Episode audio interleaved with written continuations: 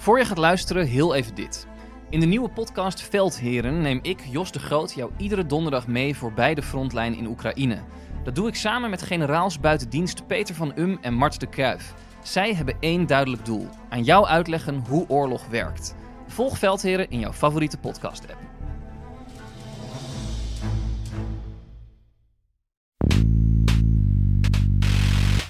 Good evening.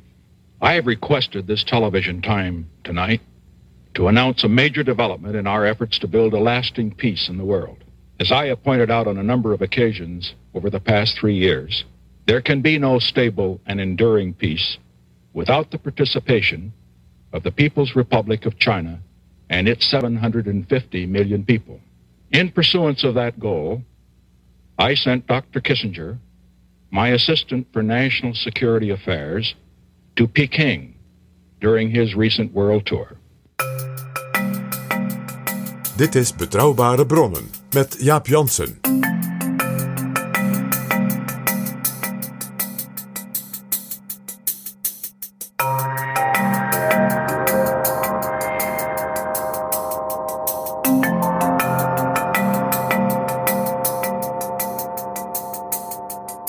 Hallo, welkom in Betrouwbare Bronnen, aflevering 225. En welkom ook PG. Dag Jaap. En ook zeer welkom onze nieuwe vrienden van de show, die met een donatie deze podcast mede mogelijk maken. En dat zijn deze week Frans, Reindert, Jan-Willem en Roselyn. En wil jij ons ook steunen? Ga dan naar de website vriendvandeshow.nl slash bb. vriendvandeshow.nl slash bb. Een mens kan nooit genoeg nieuwe vrienden krijgen, Jaap. Ik ben ze zeer erkentelijk. Dit is Betrouwbare Bronnen. Jaap Jansen en Pieter Gerrit Kroeger duiken in de politieke geschiedenis. PG, we gaan het hebben over de relatie tussen China en de Verenigde Staten. En er wordt wel eens gezegd, die relatie is op dit moment op het laagste punt sinds begin jaren 70, toen er een enorme doorbraak kwam in de diplomatieke betrekkingen, toen president Richard Nixon naar China ging om voorzitter Mao te ontmoeten. Heel belangrijk en over alle dingen die daaraan vooraf gingen aan dat bezoek van Nixon in China gaan wij het deze keer hebben. Want het is nu precies 50 jaar geleden, deze weken, dat het zogenaamde Polo 2 bezoek was georganiseerd. 1971. Oktober. Polo genoemd naar Marco Polo, de wereldreiziger. Dus de jonge Venetiaan die door heel Azië trekkend uiteindelijk in het China kwam van Kublai Khan, de grote Chinese keizer, met wie hij ook volgens zijn memoires allemaal gesprek heeft gevoerd.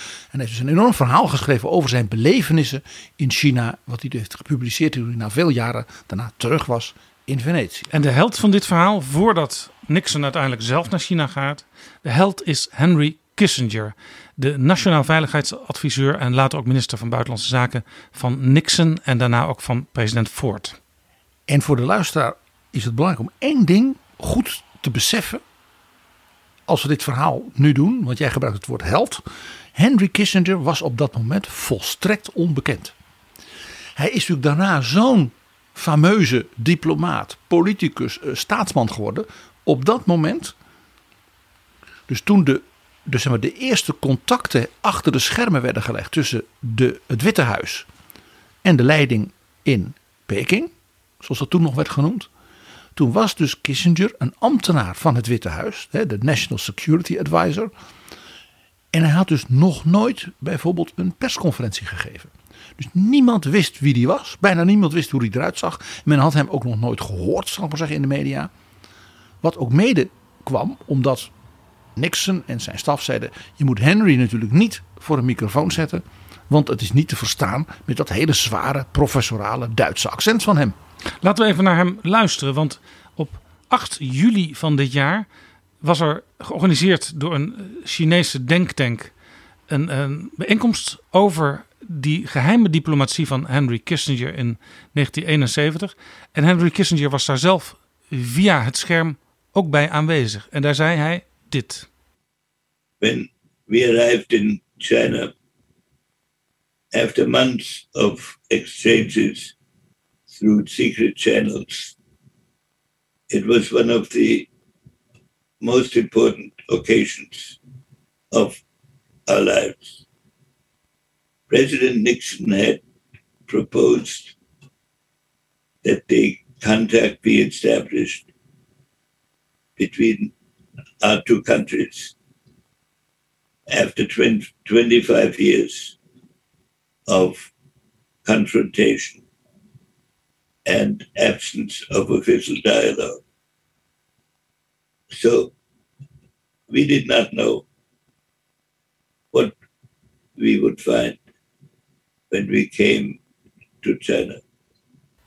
Hij noemt het dus een van de belangrijkste dingen in ons leven. Hij legt wel alle eer bij Nixon, maar hij eh, kwam toch ook graag praten over zijn belangrijke rol in die geheime diplomatie. We moeten even misschien, voordat we aan het verhaal beginnen, PG, neerzetten dat de Verenigde Staten eh, verwikkeld waren in de Vietnamoorlog. Het communistische noorden eh, versus het kapitalistische, het westerse zuiden. En daar zat maar geen schot in. Sterker nog, eh, de Amerikanen die hadden door dat ze het waarschijnlijk niet zouden kunnen gaan winnen.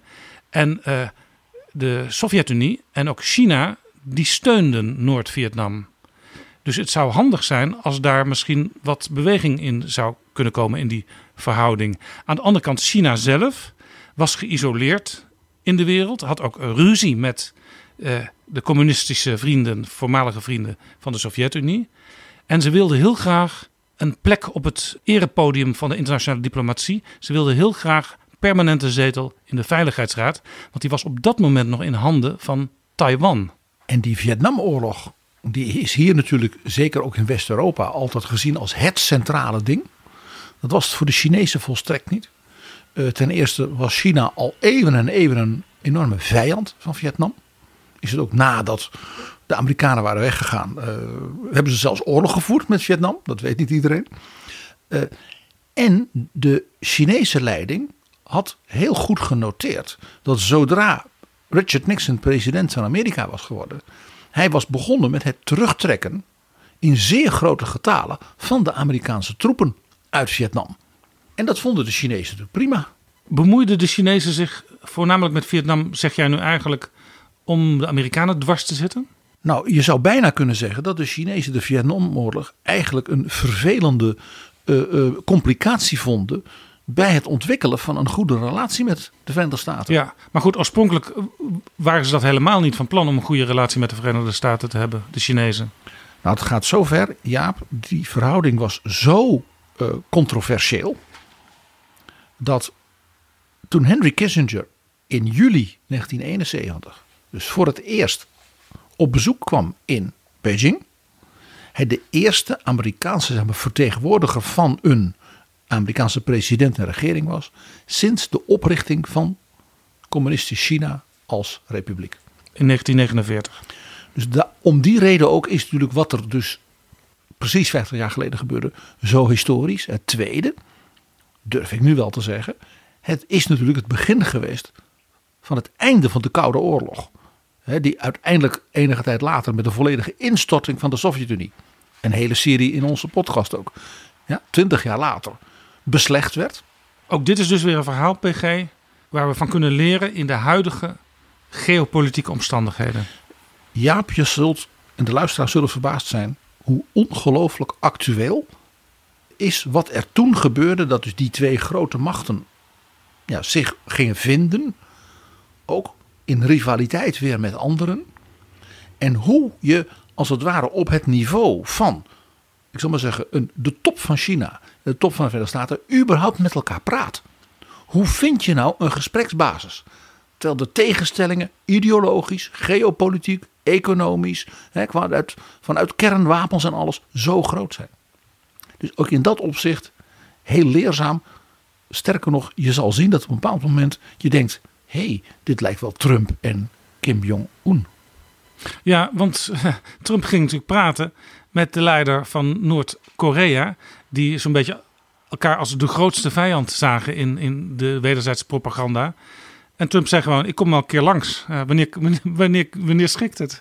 Trump heeft onmiskenbaar gedacht: Ik ga eh, Richard Nixon overtreffen. Zoals hij natuurlijk iedere president voor hem overtrof.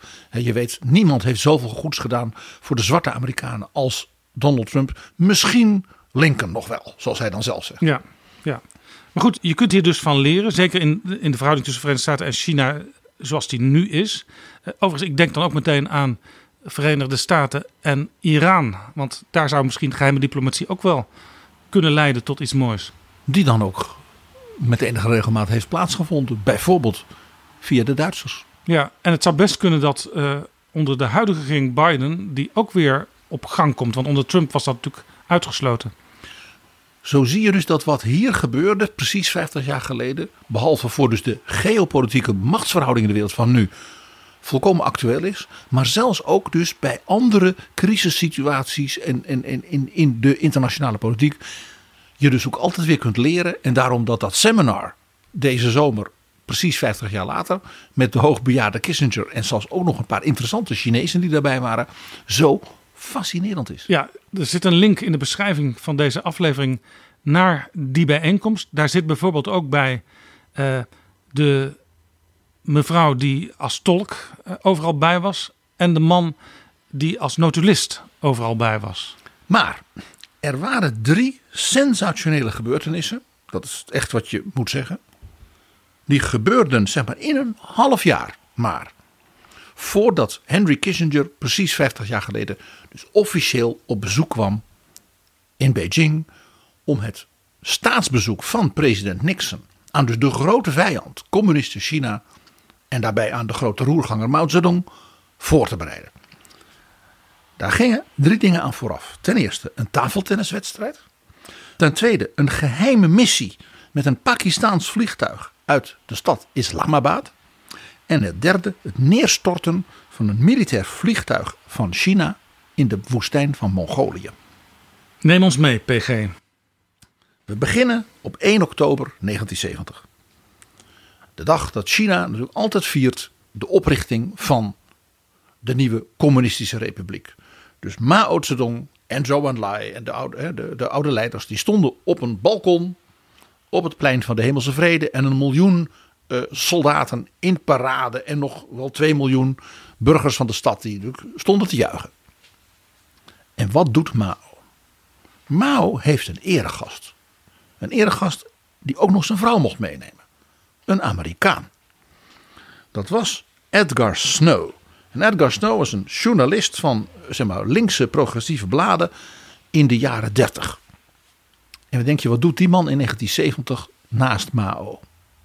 Edgar Snow had rondgereisd in het China van de jaren 30. En komt dan in de grotten, waar dus de communistische partij een soort uh, leger had en waar ze zich ingegraven hadden aan het eind van de lange mars, hè, waarbij ze achtervolgd werden door de troepen van de Republiek China en ook nog last hadden van de Japanners.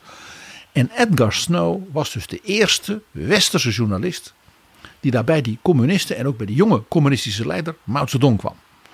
En heeft dus een hele tijd met ze opgetrokken. Heeft dus een heel, heel dik boek, Red Star over China, geschreven. Wat dus een portret is van de jonge Mao met zijn ja, rebellen, aanhangers. En hij vond dat mooi en romantisch. En dat boek was ook een groot succes. En dat boek is ook wel aan te bevelen om te lezen? Het is heel erg leuk om te lezen. Het is niet zo dat je van het katzwijm eigenlijk moet kotsen. Van, van hoe die eigenlijk slijmt met de nieuwe leiders. Het is natuurlijk een, hij heeft, natuurlijk een romantisch beeld van deze linkse uh, communistische rebellen die voor arbeiders en boeren opkomen. Natuurlijk. Beetje zoals Hemingway ook over bepaalde ah, uh, ontwikkelingen schreef. Dat, dat, het is dus een fascinerend. Het is eigenlijk de enige westerling op de Nederlander Sneevliet na. Henk Sneevliet. Die dus toen bij Mao met zijn kleine bende was. En dat is natuurlijk het licht van de geschiedenis. Hè? Inderdaad, letterlijk. 40 jaar later staat hij daar dus op dat balkon naast zijn oude vriend Mao met zijn vrouw. En daar staat dus een miljoen uh, Chinezen hem toe te juichen. En het was niet voor niks dat hij daar stond op dat moment? Uh, Mao die deed nooit iets voor, voor niks als hij zichtbaar was. En ik lees nu voor Henry Kissinger in zijn memoires. Hij zegt, wij hebben er überhaupt niet eens gezien. Helaas, de Chinezen, Mao en de zijnen overschatten onze subtiliteit. Want, wat, want wat zij signaleerden hiermee was zo verfijnd dat onze ongepolijste westerse geesten het volstrekt misten. Veel later pas drong het tot Kissinger door, ook door zijn gesprekken met onder andere uh, Mao's natuurlijk premier en rechterhand Zhou Enlai, dat Mao had willen uitstralen de relatie met de Verenigde Staten. Met Amerikanen is voor mij een persoonlijk iets. En is geworteld in de geschiedenis van mij, Mao, als leider, als revolutionair, als rebel en als de leider uiteindelijk nu al zo lang van China. Dat was van een finesse.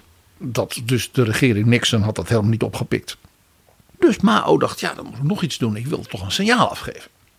Dus Mao heeft toen in de weken daarna aan deze journalist, die hij al zo lang kent, ook nog een heel groot interview gegeven. Maar nu nog vermakelijker. Het was zo duidelijk bedoeld als politiek signaal dat Mao zei: pas als ik een signaal geef, mag het worden gepubliceerd. Dus in de tussentijd, voordat dat gepubliceerd werd, kwam er een bericht van de Chinese premier Zhou Enlai naar president Nixon. En dat kwam, lag niet, via president Yahya Khan van Pakistan.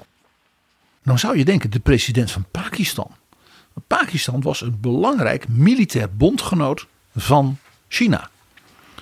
En dat had te maken met de grote rivaliteit, toen al, van China met India.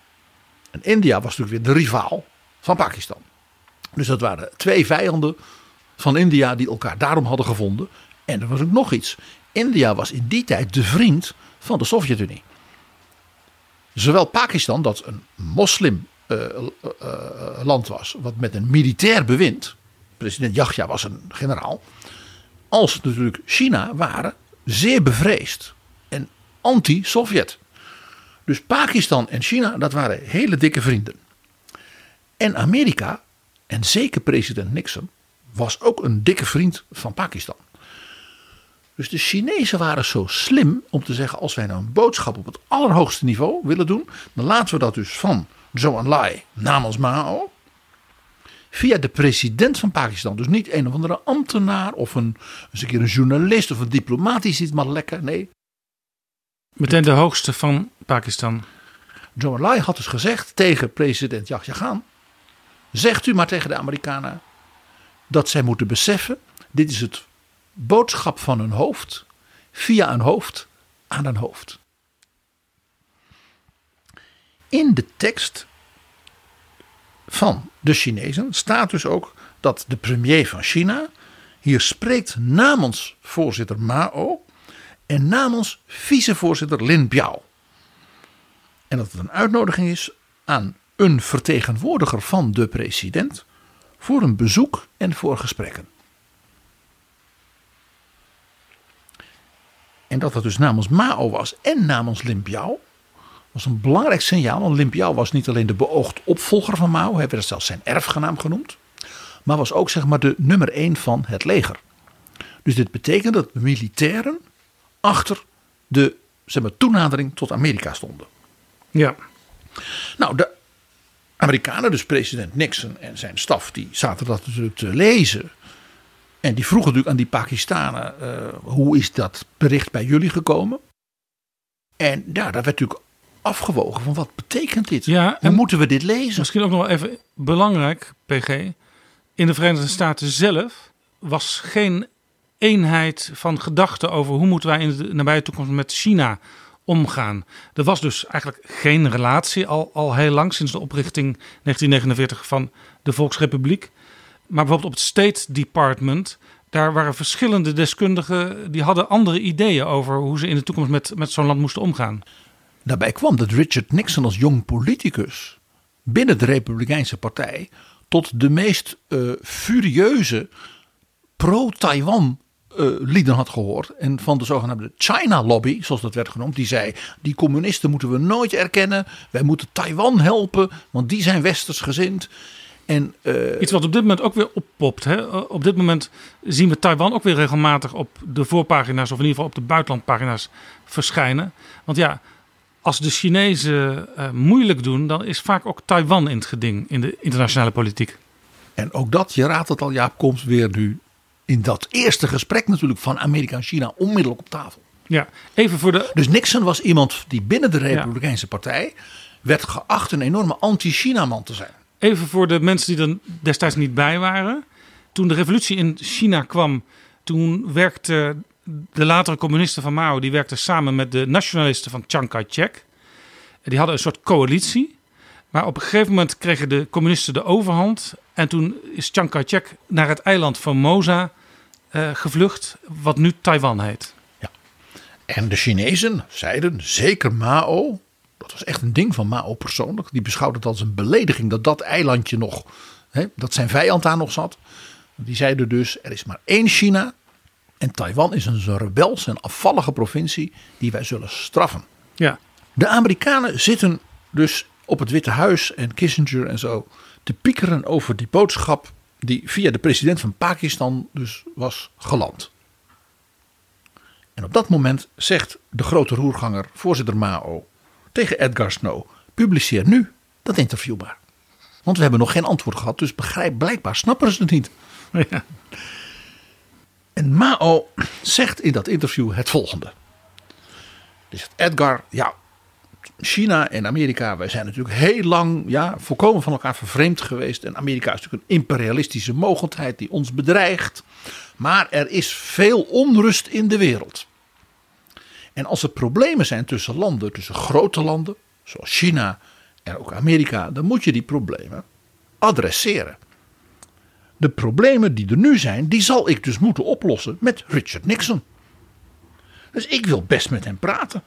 Hij mag van mij komen hier als toerist, maar ook als president. Ja. Dus Mao deed alsof het, ja, och, laat hij zich maar melden. Hij mag dus als hij geen president meer is komen, hè, als hij de verkiezingen Ja. in 72 verliest. Maar hij mag ook nu komen. Hier was dus eigenlijk niks subtiels meer aan. Hier werd gewoon gezegd, eh, u bent welkom meneer de president. Ja, dus dat stond in dat interview met dus die oude vriend van Mao, die linkse journalist. Dus het Witte Huis dacht, wat, wat is dit? Dus opnieuw, hè, wat Kissinger met enige zelfspot in zijn memoires schrijft van... Ja, ons gevoel voor de subtiliteit van de van 50 eeuwen Chinese diplomatie... en de finesses eh, van een man als Mao, die was nog niet heel erg ontwikkeld. Ja. Er was toen ook geen Amerikaanse ambassade in Er was, er, was, Beijing. er was niets. De week voor kerst was dat interview dan verschenen in het speciale zeg maar, decembernummer van, eh, van een Amerikaans blad. En Zhou Enlai en Mao dachten we moeten druk verhogen. Dat die Amerikanen het gaan snappen. Dus ze dachten wie kunnen we nog meer inschakelen. Toen schakelden ze nog een zeg maar, op het wereldtoneel toch zeer goed bekendstaande eh, communistische leider in. Namelijk Nicolae Ceausescu. de partijleider en tiran van Roemenië. Ja. Die ook een goede relatie had met bijvoorbeeld koningin Juliana. En met eh, allerlei andere westerse heersers. En Nixon was op bezoek geweest in Boekarest. Zhou Enlai schreef in een memorandum dat dus via de Roemeense diplomaten dus weer bij Kissinger terecht kwam. De volgende zin. Aangezien president Nixon al op bezoek is geweest in zowel Belgrado als in Boekarest, zouden we hem in Beijing natuurlijk ook kunnen verwelkomen. Ja. En toen begon bij Kissinger het muntje te vallen. En misschien ook wel omdat Kissinger natuurlijk toch een Europeaan is van herkomst. Hij komt natuurlijk uit eh, Fürth in Duitsland, is gevlucht met zijn ouders in, in de Hitlertijd naar Amerika. ja, hij heeft dus misschien meer gevoel voor de ingewikkeldheden en ook de eigensoortigheden, de eigenaardigheden van landen. Meer dan de gemiddelde bewoner van Washington DC. Want waarom zegt Zhou Enlai, u was toch ook in Belgrado, president Nixon, en nu via eh, Ceausescu, herinner ik u nou dat u ook bij hem op bezoek bent geweest. Die boodschap, die was dus heel gelaagd. Het eerste was, voorzitter Mao wil dat president Nixon naar Beijing komt. Zoals de keizers vroeger zeiden, de barbaren komen wel naar mij. Want dat was een manier waarop Mao als ware de voorwaarden kon stellen dat ze dus op gelijke hoogte als het ware met elkaar zouden spreken. En Mao was natuurlijk de grote leider van China, een oude man, dus die president komt naar mij. U bent tenslotte ook naar Ceausescu gekomen. Of naar Tito. Ja. Twee, het accent ligt erop, u zult het als president van Amerika toch leuk vinden om naar een anti-Sovjet, een kritisch op het Kremlin zijnde communistisch land te komen. Dit is interessant, want eh, het was natuurlijk in het heetst van de Koude Oorlog. En eh, de Amerikaanse diplomatie die dacht, ja, we kunnen wel vast blijven zitten in die enorme tegenstelling uh, het Westen versus uh, het Warschau-pact onder leiding van Moskou. Maar als je wat verdeeldheid kunt zaaien in en rond dat Warschau-pact en in die communistische wereld, dan wordt de positie van Moskou verzwakt. Precies. En wat doet dus Zhou Enlai? Via Boekarest ja, zegt hij, u kunt met ons dat spel ook wel spelen. Dat was nogal wat natuurlijk. En nog iets. Er werden twee dingen in dat memorandum waarin deze suggestie werd gedaan niet genoemd. Er stond niets in over Taiwan en er stond niets in over Vietnam. Oftewel, dat schuiven wij opzij. Dus de twee meest controversiële, al decennia lopende, ook militaire conflicten. Mao zei, daar wil ik het helemaal niet over hebben.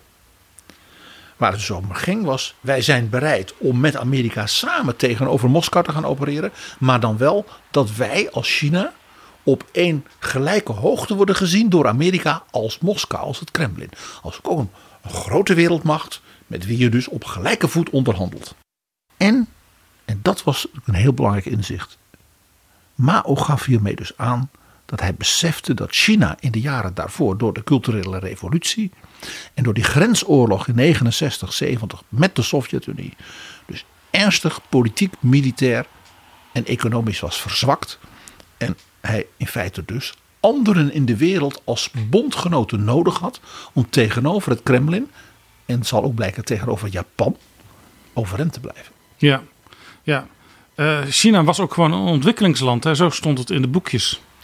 Ja, en door de zogenaamde grote sprong voorwaarts met die enorme hongersnoden en de culturele revolutie, waar ook dus vele miljoenen zijn omgekomen, ook door burgeroorlogtoestanden, was natuurlijk in feite de hele governance van China ingestort en ook de economie, zodat de armoede en de honger enorm waren. En Mao besefte dat. En vandaar dus ook die onderstreping dat Mao, Zhou Enlai en Lin Biao, ja, dus de baas van dat leger, gedrieën als het ware dat gebaar maakten.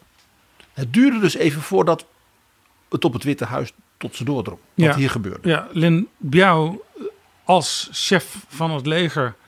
En beoogd opvolger van was, Mao. was langer geleden een bondgenoot van de Sovjet-Unie. Maar hij had natuurlijk inmiddels uh, die grensoorlog in Siberië met de Sovjet-Unie meegemaakt. Ja. En Mao had dus gekozen, want hij had in de begin jaren 60 gezegd: er zijn twee jonge leiders in China. Waarvan ik zeg: die hebben de toekomst. En die ene, dat was Lin Biao. En de andere was Deng Xiaoping.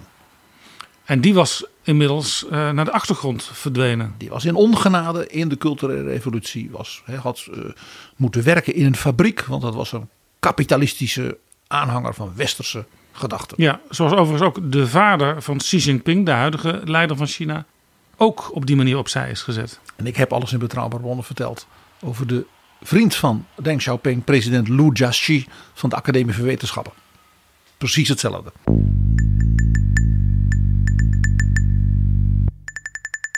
Nou, uh, dit was januari dus dat dat bericht uit Boekarest kwam. En Mao maakte toen duidelijk dat hij haast had. En hoe doe je dat? Door een symbolisch iets. En we gaan nu naar het wereldkampioenschap tafeltennis in Tokio op 4 en 5 april 1971.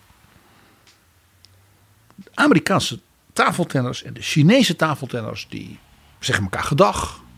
En de Chinezen laten blijken wat daarvoor bij sportkampioenschappen nooit kon. Dat ze de Amerikanen hun handen gaven en wat leuk. En ze hebben een paar Amerikanen meegenomen op een uitje naar een van een soort, soort, soort pretparkachtig iets. Ja, bij wijze, Ga toch mee. Bij wijze van spreken, de Olympische geest had zich vaardig gemaakt over de beide teams. Terwijl normaal zagen ze elkaar alleen maar in de arena. Als rivalen en vijanden. Waar je vooral natuurlijk niet mee mocht praten, want dan zou de geheime dienst jou onmiddellijk verhoren. Vervolgens werden er na de wedstrijd t-shirts uitgewisseld. Ja, ja, het is toch wat. En de Chinezen hadden geborduurde zakdoekjes ja, van zijde, die ze aan hun Amerikaanse vrienden gaven met Chinese bloemetjes erop. Dus niet met anti-kapitalistische leuzen, maar iets moois, iets klassiek Chinees. En de Chinezen namen hier het initiatief voor. Want eh, ja, Amerikanen zijn natuurlijk sowieso van huis uit wat losser. Dus, dus die, die zouden daar wel in meegaan. En toen dus de wedstrijden voorbij waren, op 6 april werd de voorzitter van de Amerikaanse Pingpongbond door de Chinese voorzitter van de Pingpongbond, die er ook was, gezegd: Onze uh, pingpongjongens en meisjes die zijn zo gezellig met elkaar. Waarom komt u niet met z'n allen gewoon een keer naar Beijing? Die man heette Graham Steenhoven, dus een Hollander, zullen we maar zeggen, in Amerika. En die dacht: ja, wat moet ik hiermee? Dus die belt de ambassade van Amerika in Tokio. Ja. En daar was er een ambtenaar en die zei: Laat mij maar even bellen met DC. Maar hou vooral het gesprek gaande. Kissinger schrijft in zijn memoires: Deze ambtenaar, hij noemt hem ook bij naam, had meer gevoel voor internationale verhoudingen en politiek en geopolitiek dan het hele State Department bij elkaar opgeteld. Ja, ja want je hebt ook ambtenaren die schrijven het wel ergens in hun opschrijfboekje op. En dan uh, misschien twee weken later gaan ze wat dingen afvinken die ze nog niet behandeld hebben. En dan is het in dit geval was het natuurlijk te laat geweest. Dat telefoontje van dus deze ambtenaar werd uh, dus positief beantwoord van geef Graham Steenhoven maar verlof. En dus na dat kampioenschap gaat die hele Amerikaanse ploeg naar China. Gewoon land, meteen op de terugweg.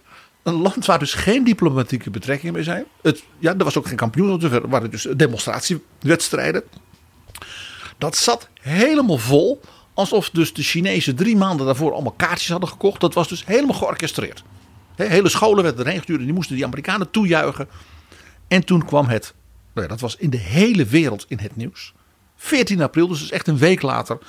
Wie ontvangt die Amerikanen en hun inmiddels Chinese vrienden en de officials en allemaal op de nummer 1 plek in Beijing, namelijk de grote hal van het volk aan het plein van de Hemelse Vrede. Premier Zhou Enlai. En houdt daar een toespraakje. En die zegt: Het is toch mooi dat wij met het pingpongen en met alle andere dingen die het leven mooi maken, dat wij als volkeren elkaar begrijpen. Zo zou het toch altijd moeten zijn. En die Amerikanen denken, nou we blijven maar even. En Joe Enlai, die heel goed Engels maakt, die zegt in het Engels: Don't you agree with me?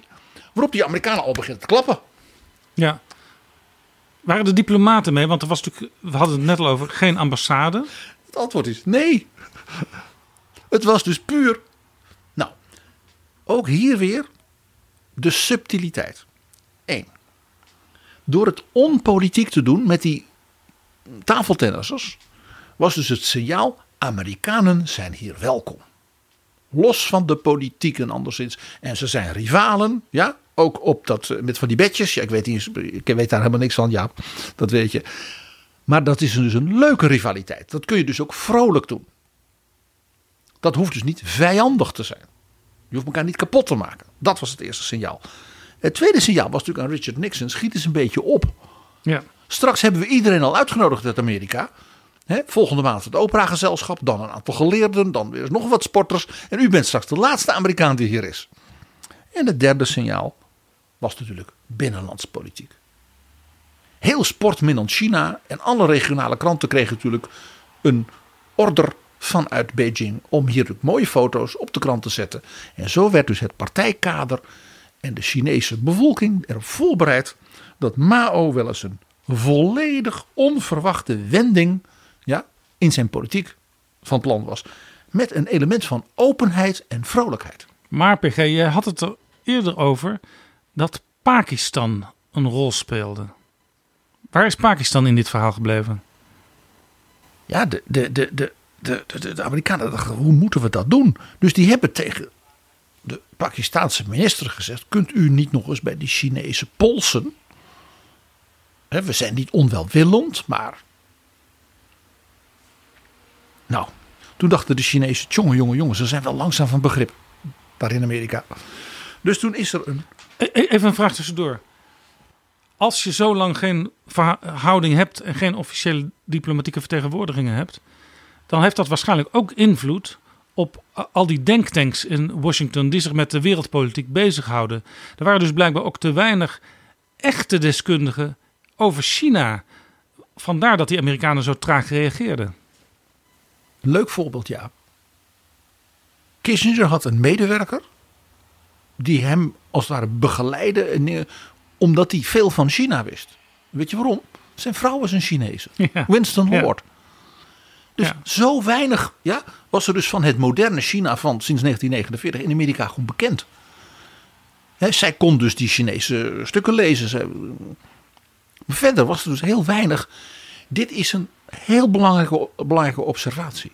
Wil je in een wereld als die van vandaag, en toen was dat dus ook al zo, elkaar begrijpen, dan moet je elkaar dus ook letterlijk en figuurlijk kunnen lezen.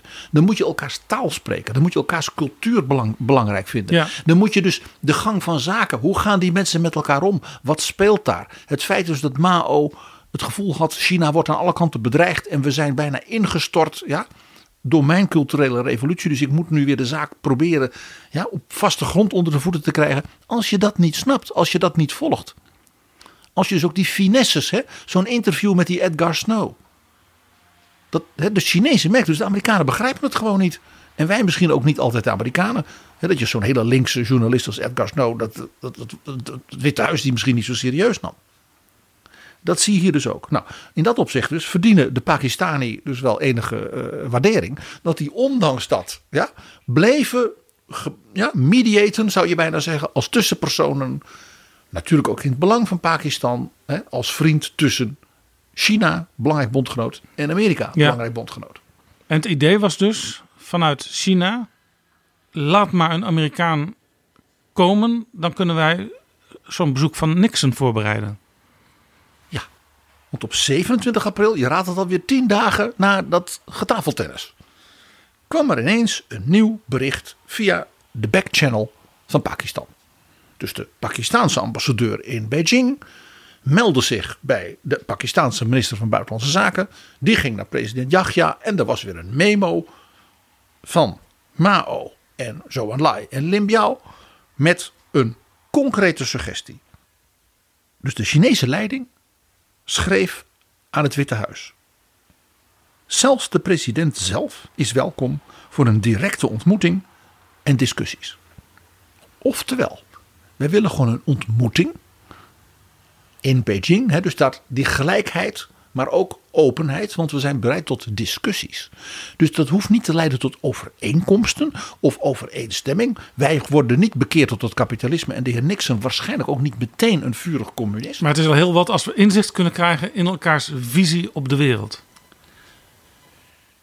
En toen zeiden Nixon en Kissinger tegen elkaar: Als we nu niet steppen to the plate, we moeten hier dus concreet op gaan reageren. Want als je nu eromheen gaat praten, dan zeggen de Chinezen: Oh, ze willen niet. Er is een fascinerend telefoongesprek tussen eh, Nixon en Kissinger over wie zouden we dan sturen. Er moet iemand gaan. Ja, de president zelf, dat kan niet. Ja, dat weten we van dat telefoongesprek, omdat eh, alles werd opgenomen door Nixon. En eh, ja, uiteindelijk is, zijn al, de meeste van die gesprekken allemaal teruggevonden. En dat is natuurlijk voor de luisteraars van Betrouwbare Bronnen en voor historici natuurlijk geweldig. Dus grote dank aan Richard Nixon en zijn idee dat als hij al zijn telefoongesprekken liet opnemen, dat dat voor zijn memoires goed was en dat zou blijken dat hij een geweldig president was geweest. Dat was de reden. Dus we weten dat hij en Kissinger hebben gezegd, wie zullen we nou dat laten doen? En er was dus een Amerikaan, een hoge Amerikaan, gouverneur van de staat New York en een, echt een dominante politicus in de Republikeinse Partij. En dat was Nelson Rockefeller. Die deed ook vanwege natuurlijk dat enorme kapitaal en die bedrijven van de familie Rockefeller natuurlijk ook heel veel internationale zaken en banken en wat al niet. Dus Nixon zei, Nelson Rockefeller zou toch een geweldige ambassadeur zijn die namens mij daarheen gaat. Die Chinezen die weten niet wat ze overkomt. En de liberals hier in Amerika, als naar buiten komt dat ik deze superkapitalist heb gestuurd, die gaan helemaal door het lint. Dus Nixon had alleen al lol vanwege de, de PR-kant van als dat dan naar buiten zou komen. En Rocky, zoals hij werd genoemd, is heel goed in onderhandelingen. En het was ook een beetje plagerig naar Kissinger. Kissinger had namelijk heel lang gewerkt voor Rockefeller. Toen Rockefeller nog probeerde Nixon te verdringen Ah, ja. als presidentskandidaat. Dus het was ook een beetje, Kissinger is overgestapt naar Nixon op het laatste moment. dus het was ook een beetje ondeugend. Hè, van Nixon een beetje plagerig. Waarom nou jouw grote vriend? En dan zou dus Kissinger als een soort ambtenaar hem moeten ja, voorbereiden. Maar ja, hè, dan ging Rocky heen. Dus Kissinger zei ja, hij zou wel heel goed zijn. Eh, en zo'n eerste keer, dan kunnen we hem natuurlijk wel goed begeleiden. Maar daarna gaat hij natuurlijk overal lezingen houden. Want hij gebruikt dat natuurlijk om zijn carrière weer. Hè, dus toen ging hij niks en bang zitten maken van ja, maar dan bouw je een rivaal op in de eigen partij. Dus ze hadden nog iemand waar ze aan zaten te denken. En dat was een man met een behoorlijke eh, staat van dienst, ook in diplomatieke zin. En zeer betrouwbaar als republikein, George Bush. Ja, interessant, want dit is George Bush senior, die toen nog jong was. En van de CIA. Ja, hij was ergens in de 40, denk ik. De baas van de CIA. En inderdaad de latere eh, president, de eerste president Bush. En hij is door president Nixon na de CIA eh, voorzitter van de Republikeinse Partij gemaakt. En uiteindelijk, maar daar stop ik weer Jaap, werd hij natuurlijk de ambassadeur van Amerika In China. in Beijing onder president Ford. De eerste ambassadeur dus. Van de volks, in de Volksrepubliek. En dat maakt dat ook dus die bijzondere band van Bush met China. Hij kon niet weten dus dat in dat telefoongesprek dat al jaren eerder begon. Maar ze vonden Bush te, te, te, te soft, too soft. Die is, die zo'n diplomaat, die gaat daar niet hard eh, erin in de onderhandelingen. En dat moet wel. Nou, één ding was ook duidelijk. één iemand mocht absoluut niet. En dat was William Rogers. Dat was toen de minister van Buitenlandse Zaken. De president en zijn chef eh, nationale veiligheid zeiden... William Rogers mag absoluut niet. Waarom niet? Omdat de president zei: dit soort dingen, ja, great power politics, dat is mijn zaak. En als mijn minister gaat, dan zit dat hele apparaat erachter. Daar heb ik geen greep meer op. Eh, en eh, ik wil daar iemand hebben die dat voor mij doet en alleen voor mij. En niet voor dat hele apparaat. Dit is een beetje vergelijkbaar misschien met zoals het tegenwoordig in Nederland aan toe gaat. Hè? Eh, je hebt een groot apparaat buitenlandse zaken, ministerie. Maar de echte grote geopolitiek en zeker ook de Europese politiek, die wordt tegenwoordig door de minister-president gedaan. Ja, het torentje van nu, met zijn kleine staf, was een beetje het Witte Huis van Nixon. Met Kissinger met zijn paar Ja, medewerkers. kijk maar naar de G20 van afgelopen weekend. Eh, daar zat Mark Rutte en daar zat ook in een belendend zaaltje eh, Wopke Hoekstra. Maar daar zat niet de huidige minister van Buitenlandse Zaken Ben Knapen. Dus jij zegt eigenlijk, Mark Rutte is Richard Nixon en William Rogers is Ben Knapen. Nou ja, soms zijn er parallellen te trekken. Leerzaam, leerzaam uit de geschiedenis. Conclusie voor president Nixon was, er kan maar één iemand gaan en dat is Henry Kissinger zelf. Die later voor het gemak ook zelf eh, het ministerschap van Buitenlandse Zaken er maar bij ging doen. Naast zijn nationale veiligheidsadviseurschap. Maar dat was toen het met president Nixon zo slecht ging. Dat in de wereld het gevoel ontstond dat Nixon er überhaupt geen greep meer op had. En dus dat door Kissinger naar voren te schuiven, als het ware Amerika nog enige stabiliteit zou uitstralen. Ja, Kissinger zegt: Ik moest van Nixon, ondanks dus verschillende namen die eh, gepasseerden, omdat ik natuurlijk zoveel met hem hierover praatte en dit zozeer iets was van hem, dat hij als het ware zijn eigen hulpstuk als enige kon vertrouwen hierbij. Daarbij kwam, anders dan bijvoorbeeld Nelson Rockefeller, na terugkeer, dus de, eh, de gezant, Kissinger, natuurlijk niet eh, als het ware zelf een soort grote rol op het wereldtoneel ging claimen. Hij was staf van het Witte Huis. Het was een ambtenaar. En hij had ook dus geen enkel profiel in de media. Hij was bijna helemaal onbekend nog op dat moment. Buiten het, ze hebben de binnenwereld van Washington en wat eh, internationale eh, overleggen. Dus dat was voor Nixon veilig. Als het goed zou gaan, zou alle eer en alle glorie op Richard Nixon uitstralen. Dat speelde hier natuurlijk ook gewoon een rol. ja. De man wou herkozen worden, een jaar daarna. Ten slotte. Op 9 mei zegt Nixon via Pakistan: Ik accepteer de uitnodiging. Maar ik wil een geheim overleg tussen Henry Kissinger en premier Zhou Enlai. Voordat we samen als Amerika en China echt kunnen vaststellen. Dit zou dan de agenda zijn van het overleg en het dan bezoek van president Nixon. Ja, geheim overleg zeg je. Dus vrijwel niemand mocht weten dat dat gesprek gaande was.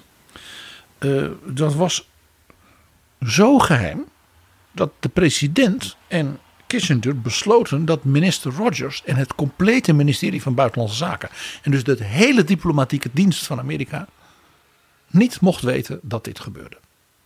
Dus dit is helemaal vanuit dus dat kleine stafje op het Witte Huis geregeld. Dat leidde ertoe dat toen dus bekendgemaakt werd dat Henry Kissinger een bezoek van een week zou brengen aan Azië. Hij zou via Bangkok naar Pakistan gaan. Dan uh, korte stop in Teheran maken bij de Shah. En dan via Parijs terug naar Amerika. Dat dus minister Rogers en zijn staf zeiden. Dat lijkt ons een buitengewoon slecht idee. Want er zijn spanningen tussen India en Pakistan. En lijkt het net alsof Amerika puur pro-Pakistan is. Dus die gingen de president nadrukkelijk ontraden. Zo'n ambtenaar die Kissinger, dat leidt alleen maar tot verwarring. Dat moet de minister zelf doen. Maar Nixon kon natuurlijk uh, niet tegen Rogers zeggen: Ja, maar dit heeft zo zijn redenen. Ja. Dit moest geheim ja. blijven. Je zag hier dus, PG, dat voor het eerst die nationale veiligheidsadviseur. Uh, een misschien wel belangrijker rol kreeg dan de minister van Buitenlandse Zaken in de wereldpolitiek. Ja, dat dus het machtsevenwicht op zeg maar, geopolitiek strategisch niveau binnen de Amerikaanse regering aan het verschuiven was. Weg van de, zeg maar, de klassieke diplomatie. En veel meer naar dus de president zelf en zijn directe adviseur. Een ontwikkeling die natuurlijk in de Amerikaanse geschiedenis de ene keer wat meer dan de andere keer. Bij de ene president ligt het accent meer op het Witte Huis. En bij de andere is bijvoorbeeld de minister van Buitenlandse Zaken weer heel belangrijk. Vergeleken bij het Witte ja. Huis. Ook hier weer die vergelijking met Nederland. Uh, want premier Rutte die heeft een kleine staf. Met per departement een belangrijke raadsadviseur. Uh, maar die mensen kunnen soms wel de doorslag geven in bepaalde discussies. Ja. En je zag bijvoorbeeld in de tijd van uh, president Bush dat natuurlijk met James Baker als minister van Buitenlandse Zaken de situatie weer anders was. Dat het Witte Huis als staf natuurlijk zeer gewaardeerd werd. Maar het, het duo Bush-Baker toch echt de strategie bepaalde. En je zag bij Trump natuurlijk weer het, dat niemand de strategie bepaalde. Want uh, Rex Tillerson en ja, dat was een drama natuurlijk, die, die, die internationale politiek daardoor. Nou, Nixon bedacht toen een manier om uh, minister Rogers op het juiste moment uh, zeggen, in te pakken. En te voorkomen dat er dus een heleboel zou gaan, geruchten zouden gaan. Nixon nodigde Rogers, die een oude vriend van hem was uit Californië. Was onder andere zijn advocaat geweest. Die nodigde hij uit voor een lang weekend in zijn villa in Californië, waar ze tenslotte samen vandaan kwamen, om eens lekker bij te praten over de grote lijnen van de politiek. En dat was toevallig op hetzelfde moment dat Kissinger dus in Pakistan zou zijn. Kon dit hem ook meteen vertellen wat er gaande was? Jij begrijpt al wat hier aan het gebeuren is, Jaap. Inderdaad. En zo maakt de staf van Kissinger het boek. En dat heette Polo. Naar Marco Polo. Dat was het briefingboek. Dus het eerste briefingboek in de geschiedenis van een bezoek van het allerhoogste niveau van Amerika aan communistisch China. Ja, zoals altijd een briefingboek is voor een reis van een minister, of in dit geval de nationale veiligheidsadviseur, naar landen.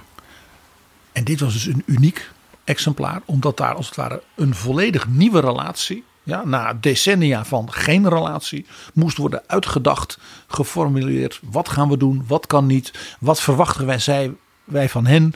Wat zouden wij in kunnen brengen? Dat en dat is dus door Kissinger en zijn staf en detail doorgenomen met president Nixon. Er zijn dus heel veel gedetailleerde aantekeningen van Nixon zelf. Zeg maar al marge en op oplegvelletjes en wat dan niet. Dus dat was echt een co-productie van de president met die staf.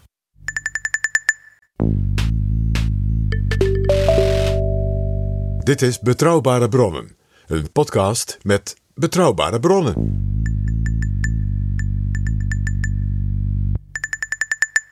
En ik praat met PG over de geheime missie van Nationale Veiligheidsadviseur Henry Kissinger naar de Volksrepubliek China in 1971. Nou, op 8 juli is Kissinger in Pakistan en krijgt natuurlijk een diner aangeboden door president Yahya. En tijdens dat diner meldt president Yahya aan zijn staf: jongens, we hebben echt een probleem. eh, meneer Kissinger die eh, is helemaal niet lekker. Eh, ja, die heeft waarschijnlijk eh, buikloop en die eh, eh, ja, een beetje, ja, nou, eh, er is misschien iets in het water of in het eten. Eh, dus we moeten even, even kijken wat er met die man kan, want zo kan dit niet. Nou, een paar uur later zegt hij als president: Ik heb besloten dat wij de heer Kissinger even rust moeten gunnen. Ja. Even kalm aan doen. Hij werd gebracht naar een villa die hoog in de bergen lag, zodat Kissinger ook betere lucht kon inademen. En goed schoon Himalaya water. Hè, want het was in de foothills van de Himalaya. Dat heette het, de bergvilla van dus de president zelf. Natchagali in de heuvels boven het stadje Moree. Dus aan de rand van de Himalaya boven En daar Islamabad. werd Kissinger naartoe gebracht door de chauffeur van de president. Ja, de chauffeur van de president reisde met een aantal auto's met de Amerikaanse ambassadeur en mensen van de Secret Service naar die bergvilla. eh, om dus Kissinger te laten bijkomen van zijn ziekte en weer even laten leeglopen en dan eh, weer gezond worden.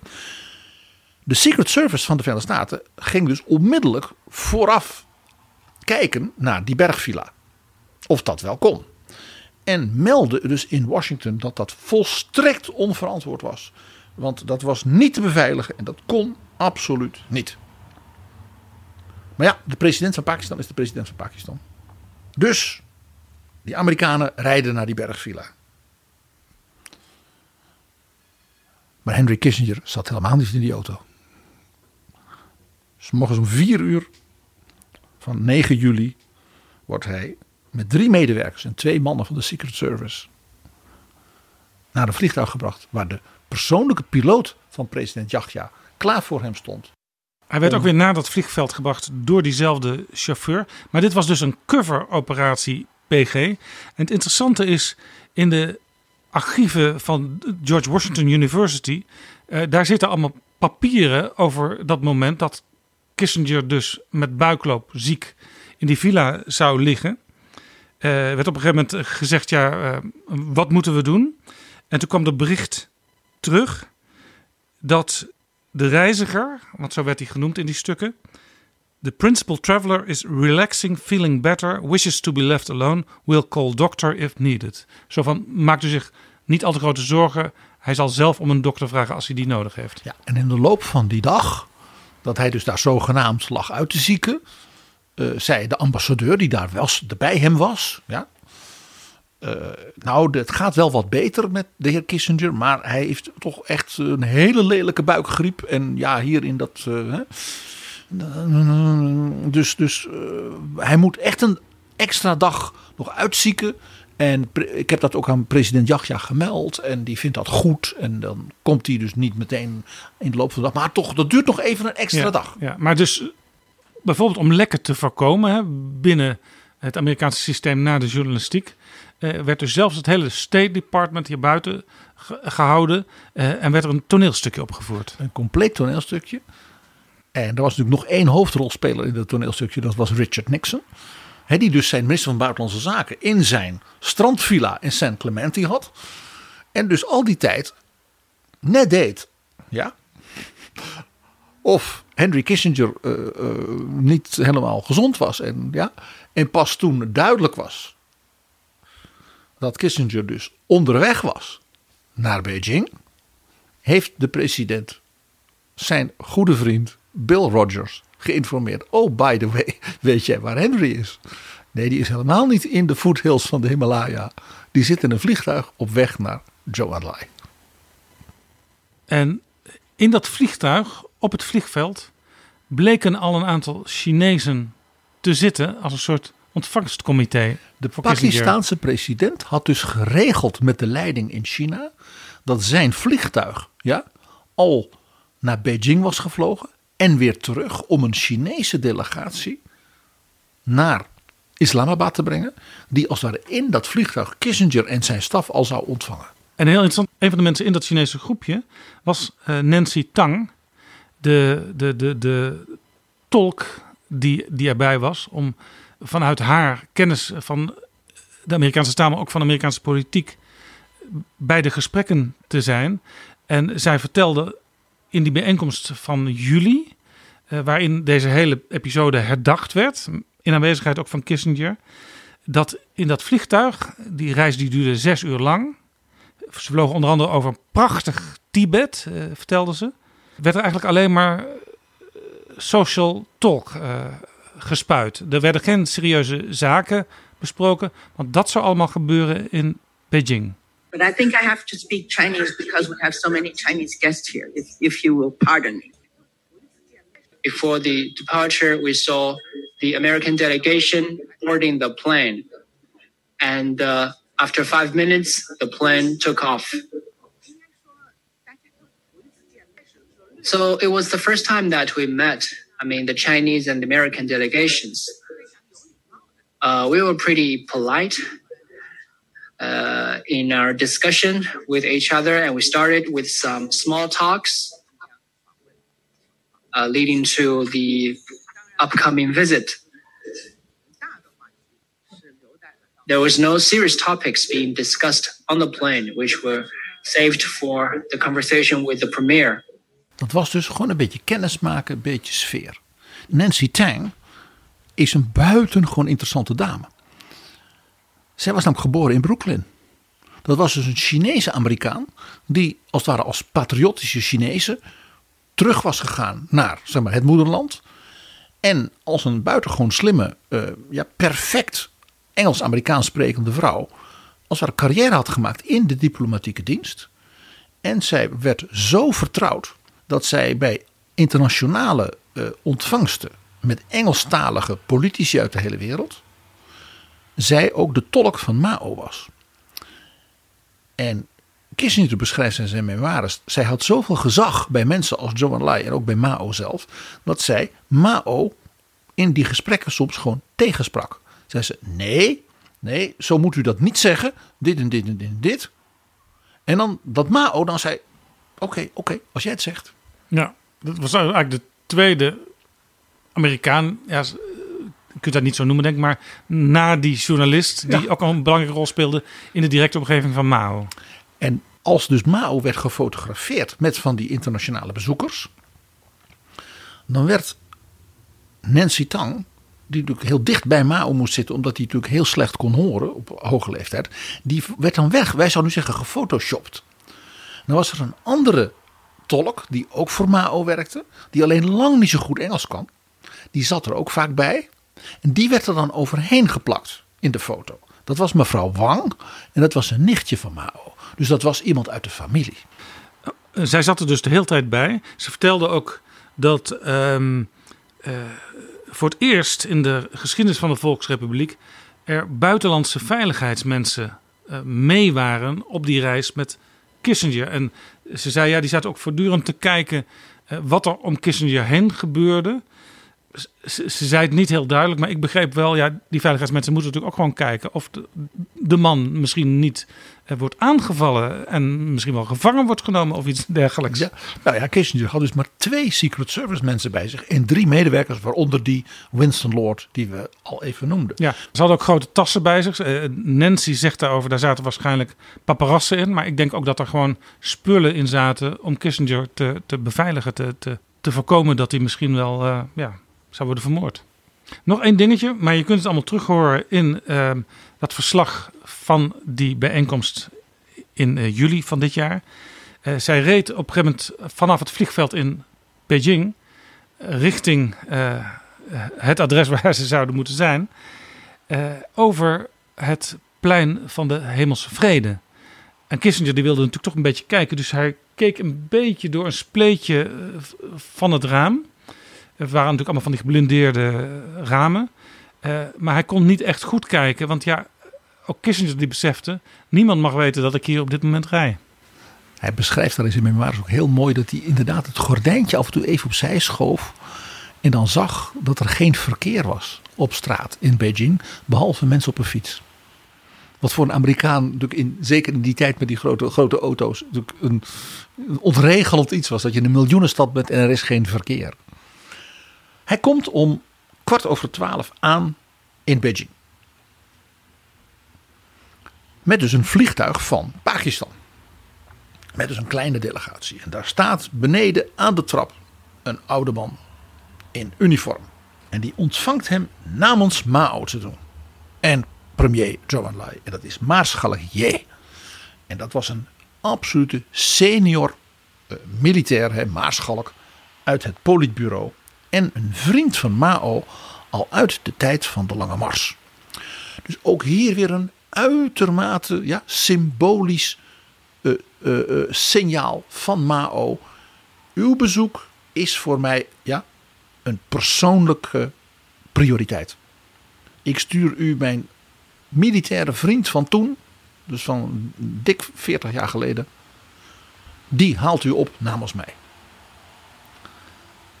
Om half vijf zijn ze in het uh, guesthouse aangekomen.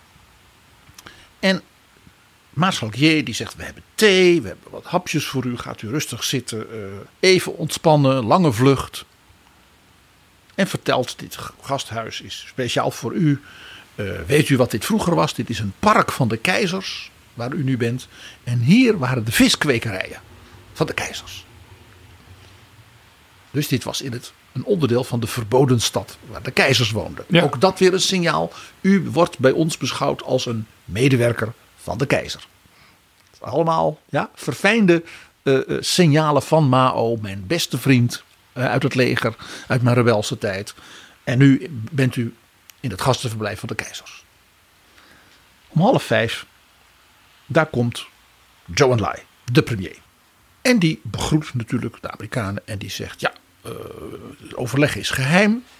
Uh, dat zullen we ons ook aanhouden. Nou, mijn, uh, onze medewerkers hier in Beijing vonden het een beetje raar. We wilden het eigenlijk graag meteen bekendmaken dat wij hè, u als Amerikanen hier nu ontvangen. Want wij zijn daar heel blij mee. We zijn er trots op dat u komt. Maar, zei hij, we hebben nu die backchannel met Pakistan. En u stelt daar prijs op, meneer Kissinger en uw president ook. Dan doen wij dat ook. En dus gebruikt hij die prachtige Chinese uitdrukking. Je moet geen brug afbreken als je die bent overgestoken. en gaf meteen aan dat Mao het ook wel mooi vond via Pakistan. Want de vijandschap van Mao en Nixon, alle twee tegenover India, dat was toch weer een mooie band die hiermee was gesmeed met China. Duidelijk werd hiermee, hiermee dat die band van China met Amerika te maken had dus met de geopolitieke, strategische onzekerheden ja, en gevoelens van bedreiging bij Mao. Ja, en je zoekt in de diplomatie natuurlijk naast erkenning van elkaars eh, soms verschillende belangen ook naar overeenkomsten. En dat bleek hieruit. Dus toen begon het eerste overleg van Kissinger met Zhou Enlai. En ja, wat doet Kissinger? Die is de gast. Dus Zhou Enlai zegt welkom, hè, enkele vriendelijke woorden. En die zegt steekt u van wal. Dus Kissinger heeft dat enorme briefingboek Polo voor zich.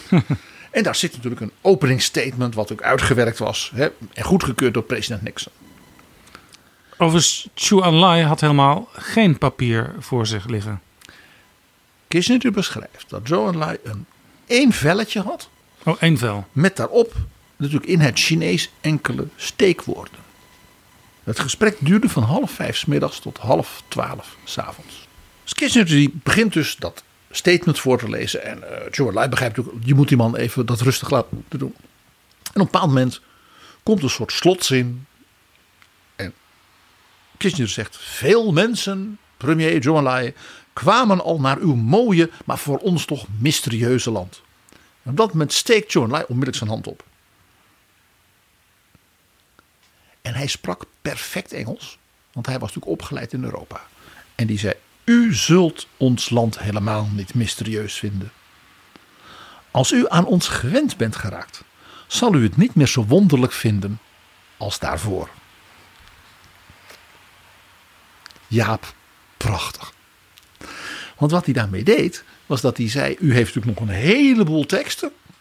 Met allemaal ja, uh, waarin China en Amerika natuurlijk uh, verschillen. Maar daarvoor, daarvoor zitten we hier niet.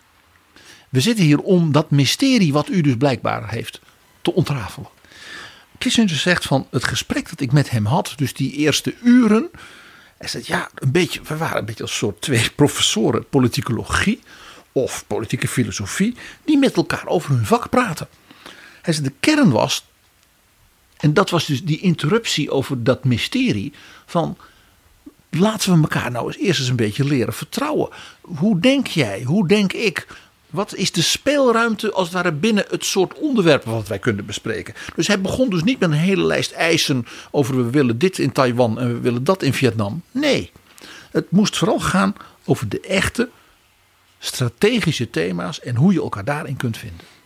Ja, en er was ook, er was ook wel wederzijds behoefte om ook op een, ja, laten we zeggen, een normale manier met elkaar om te gaan. En dat was dus uniek, hè? Dat het, het idee van dat je normaal met elkaar praat, vandaar dus ook dat vliegtuig small talk. Ja. En interessant, ehm Lian Zhengbao, dat was de, de notulist die er ook bij zat. Eh, die mocht zelfs bij het diner zitten, waar maar een paar mensen bij aanwezig waren van Kissinger en Chou. En Kissinger die maakte daar voortdurend grappen tijdens dat diner. En die grappen, zegt hij in die bijeenkomst waar ik al eerder naar verwees, die schreef ik allemaal op. Die noteerde ik allemaal. En voorzitter Mao was erg blij toen hij die las. I was present as a note taker in both meetings with Premier Zhou Enlai. That was a heavy task. I did shorthand. I could um, take notes of uh, more than 200 characters per minute. So I kept every word in the conversation between Dr. Kissinger and Premier Zhou Enlai. I I was also present in Premier Zhou's dinner with uh, Dr. Kissinger. I wrote down every joke shared by Dr. Kissinger at the dining table. And Chairman Mao was very happy to see those jokes because the details matter. From the details, you could tell the attitude of the American side. Die aantekening gaat natuurlijk meteen naar de allerhoogste baas, naar Mao. Mao is in dit hele verhaal onzichtbaar. Kissinger heeft Mao niet ontmoet. Maar je ziet dus vanaf die parade met dat balkon waar Edgar Snow en zijn vrouw moesten staan, was dus Mao voortdurend persoonlijk betrokken bij en aanwezig afwezig. Want deze notulist wist dat hij dus alles wat hij had opgeschreven onmiddellijk ja, moest doorgeven. En dat Nancy Tang daar in dat vliegtuig zat en mee zat, dat was dus wel Mao's persoonlijke tolk, ja, die hij zo zeer waardeerde. Ja.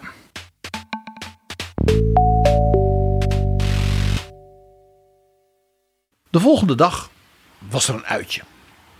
Kissinger en zijn mensen werden rondgeleid in de verboden stad. Dus het oude keizerlijk paleis.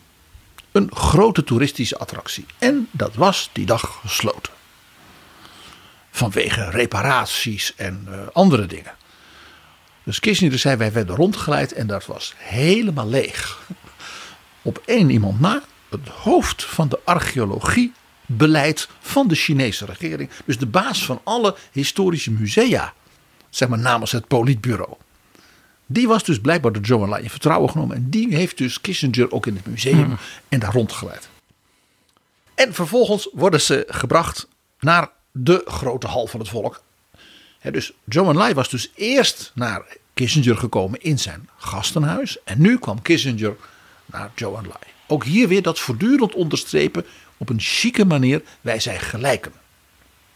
U bent gast, wij eren u, maar u komt ook naar ons. En Joe Enlai ontvangt dus daar Kissinger in de grote entree. En die zegt alles goed met u. Ja, ja, het fijn dat we elkaar weer spreken. En die zegt kom ik loop met u naar de vergaderkamer. Dat is de Fujian-kamer. En Kissinger dacht, de Fujian-kamer. Ja. Ook dat was weer, hij zegt, ik geef het eerlijk toe. Dat heeft Truman later uitgelegd. Hij zegt, u heeft dat blijkbaar toen helemaal niet begrepen. Kissinger zei, nee, hoezo? Ach, zegt u, meneer Kissinger. Fujian is de provincie aan de kust van China tegenover Taiwan. Zoals Kissinger schrijft in zijn memoires. Tot mijn schande vatte ik de betekenis hier volstrekt niet van. Er is ook wel een pluspunt in onoverwinnelijke sufheid. John Enlai mocht toen natuurlijk beginnen als eerste. En die geeft die Amerikanen de volle laag. Dus die geeft een geharnast communistisch ja, eh, analyse van de wereldpolitiek. En die zegt: U bent een imperialistische mogendheid die maar op één ding uit is: dat alle arme volkeren in de wereld onderwerpen. En uw vrienden, dat zijn de Sovjet-Unie, u doet wel dat het uw vijand is, maar u hebt dezelfde machtsdrift. Die Sovjet-Unie is net zo erg als u en u bent net zo erg als Brezhnev. En dat Japan, een militaristische mogendheid die ons Chinezen verschrikkelijk heeft ja, vervolgd en onderdrukt. En die heeft u nu weer machtig en sterk gemaakt. En dat Taiwan, dat is van ons, dat is China. En u. En dat India, u doet zogenaamd of u zo. Maar India wordt u ook groot gemaakt. En dan voert u oorlog in Vietnam. Een, een koloniale, imperialistische oorlog. Dus klonk hard, maar ik kan me voorstellen dat Kissinger als slimme, eh, geopolitiek gerichte diplomaat ook wel alle aanknopingspunten hoorde in wat Chu Enlai zei. Die zei voor tegen zichzelf: hij moet dit natuurlijk doen als de nummer twee van China. Ons zonderegister. Maar ik hoor nog iets. Ik hoor dat voorzitter Mao zich omringd voelt door vijanden en in zijn eentje dit niet meer volhoudt. Zie die grensoorlog die de Sovjets gewoon hebben gedurfd als, om te prikken, om te kijken hoe ver kunnen we gaan. En natuurlijk er waren altijd al grensoorlogen in de Himalaya met India. Dus dit was ook een uiting van angst. En aan het eind van dus deze litanie Zhou Enlai, meneer Kissinger, bij zoveel geschilpunten tussen u en ons, heeft zo'n bezoek van uw president Nixon wel zin? Ja, ja, eerst uitnodigen en vervolgens eraan gaan twijfelen of het wel nuttig is. Eigenlijk zeggen van het heeft dus alleen zin als, Als er- u beseft Als er dingen gebeuren, als er nieuwe stappen gezet worden. als u beseft dat wij in die dat wij ons bedreigd voelen. En Kissinger die denkt, ja, wat moet ik nu doen? Dus die zegt, prime minister, ik wil toch een aantal kanttekeningen maken bij uw geharnaste betoog. Punt 1. Punt 2. En het was duidelijk, hij had er wel 17 natuurlijk. En punt 3 komt en John Enlai zegt, steekt weer zijn hand op, zegt, de eend wordt koud. Klinkt bijna als zo'n code in de Tweede Wereldoorlog. De eend wordt koud. Met andere woorden, is geserveerd. ja, ja, ja, u heeft ons gehoord. We hoeven dat nu niet allemaal door te nemen.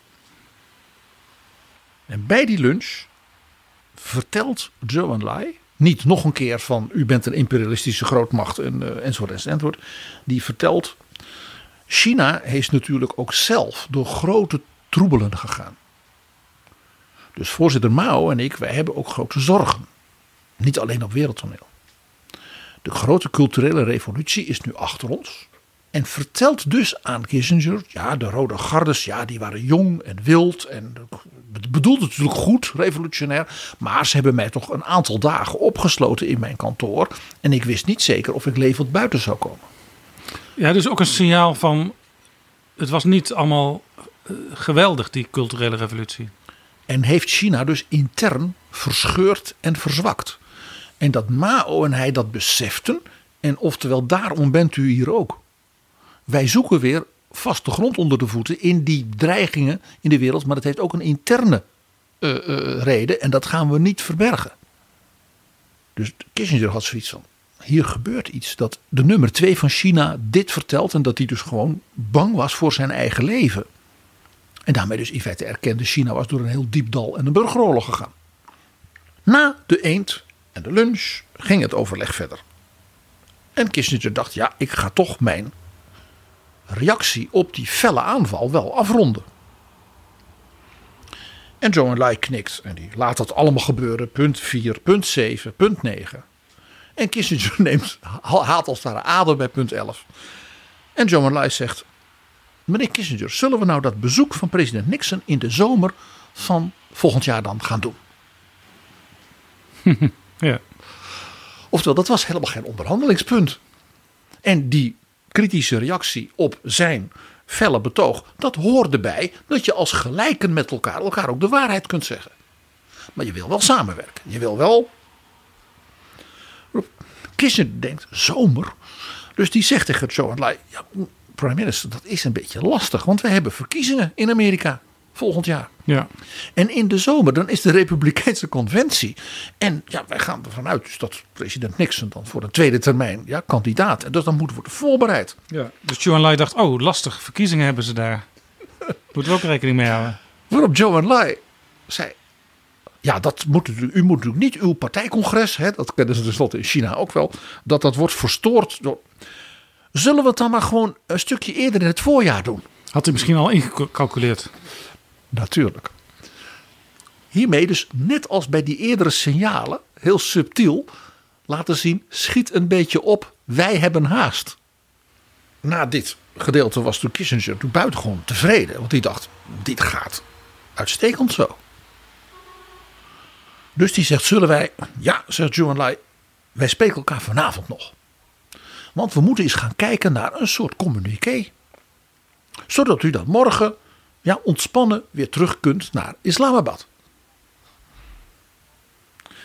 Dus John Malai zegt, ik neem nu afscheid, ik heb nog een paar dingen.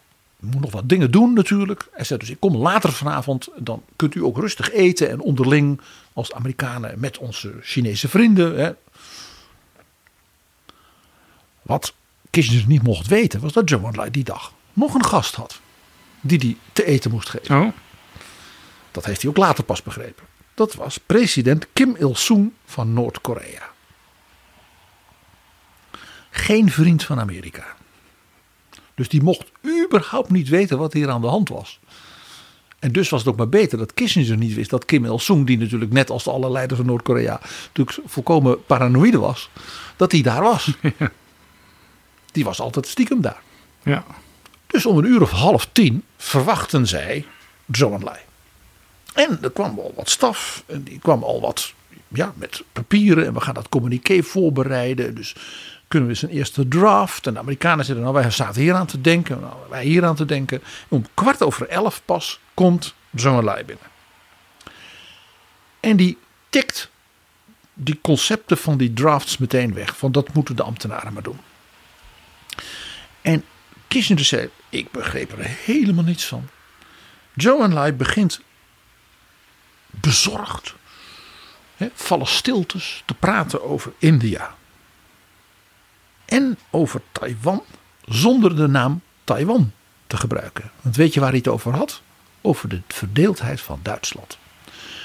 Dat kan natuurlijk niet eeuwig zo blijven. Dat is een reden tot scheuring en spanning die dus op het wereldtoneel niet goed werkt. Maar hij veralgemeniseerde het over landen die verdeeld zijn. Dus door te zeggen, jullie zijn toch als Amerikanen tegen de Duitse deling, dan begrijpen jullie toch dat wij Taiwan ooit terug willen.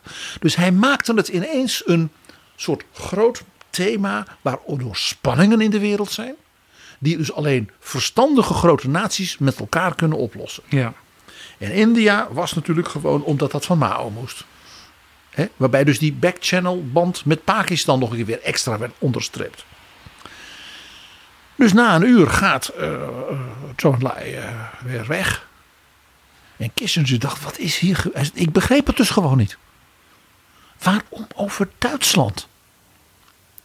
Omdat ik misschien naar Duitsland kom. Achteraf pas, ja, snappen. Hij had het over de DDR, maar hij bedoelde Taiwan. Dat moet je dus op een vreedzame manier, stap voor stap, proberen op te lossen. ja. En hier heb je dus in normale tijden een, een ambassadeur voor die dit soort duiding kan geven. De ambtenaren waren inmiddels bezig met dat communiqué. En dat ging helemaal fout. Dus in de loop van de nacht eh, had Kissinger zoiets van... Hey, is Zhou Enlai soms teruggefloten door Mao? Op het laatste moment. Kan natuurlijk gebeuren. Na het ontbijt... Ja, de koffers waren al gepakt en zo. Verschijnen de ambtenaren met een tekst. En die tekst was bijna helemaal zoals de Amerikanen het wilden hebben op één klein puntje na. Waarvan Kissinger dacht dat is het letterlijk en figuurlijk het handschrift van Zhou Enlai. Dat is een opmerking die hij terzijde tegen mij had gemaakt en die zit er nu eens in. En Kissinger zegt, niet gaan zeuren over deze tekst. Oh, zei de ambtenaar, nou dan zullen we hem in het net eh, uitwerken. Hij zat en vijf minuten later, wie komt daar binnen? Zhou Enlai. Dus deze tekst was gewoon van hem gekomen. dat gedoe met die ambtenaren was gewoon nog één keer proberen te laten voelen: wij zijn wel gelijken. Wij bepalen ook wat er in die tekst komt en jullie krijgen je zin. En die zegt: dan zijn we klaar. Meneer Kissinger, dit is de tekst. U gaat met uw president afspreken wanneer we die naar buiten brengen. Dat horen wij dan wel. En dan brengen we dat op hetzelfde moment in Beijing en in Washington naar buiten. En daar was Maarschalk J weer met Zhou Enlai. Want die zou Kissinger namens Mao, zijn vriend, naar het vliegveld rijden. Zo'n grote eer. Kissinger was natuurlijk een ambtenaar. En onderweg vertelt Maarschalk J over zijn vriendschap met Mao. Die zegt, ja, ik was een jonge officier van de Kuomintang. Ik was dus geen communist. Ik was van het leger van de Republiek China. Maar ik was onder de indruk van de, het elan en de jeugdige moed van die communistische rebellen. En hoe zij hun leider Mao vereerden. Dus ik ben overgelopen en heb toen Mao leren kennen. Want hij had natuurlijk mijn militaire ervaring, dat vond hij fijn, dat kon hij gebruiken. En ik heb Mao toen als jonge man leren kennen, als rebellenleider.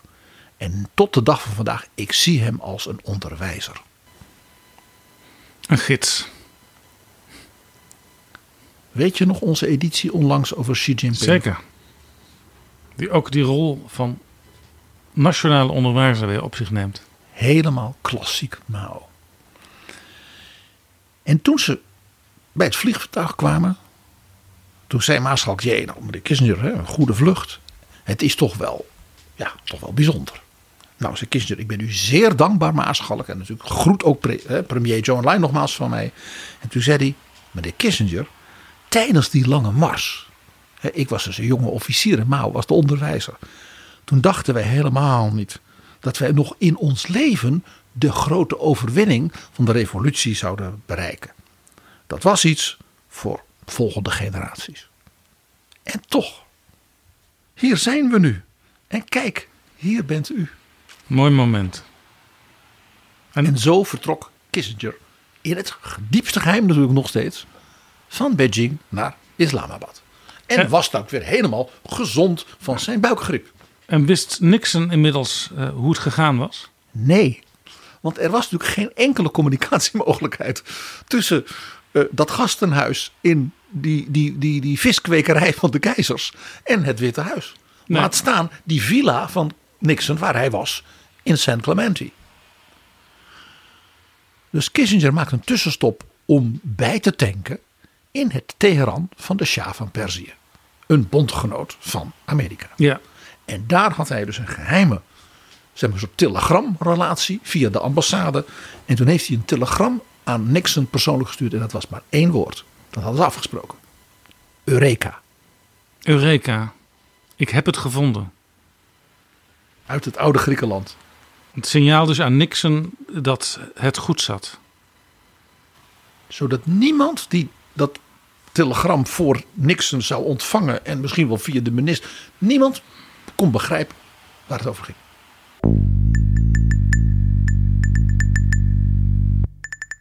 En uiteindelijk komt Henry Kissinger bij Nixon terug in San Clemente. Hij vliegt dus rechtstreeks naar dat, die strandvilla.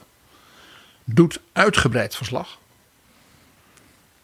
En bereidt met de president natuurlijk het moment voor. Op het tijdstip afgesproken met Zhou Enlai. Dat bekend zou worden dat Kissinger op bezoek was geweest in Beijing. Een televisiespeech van de president van Nixon. En niemand in Amerika wist dat. Want ze dachten hij is op vakantie. Met minister Rogers, oude vriend van hem, aan het strand.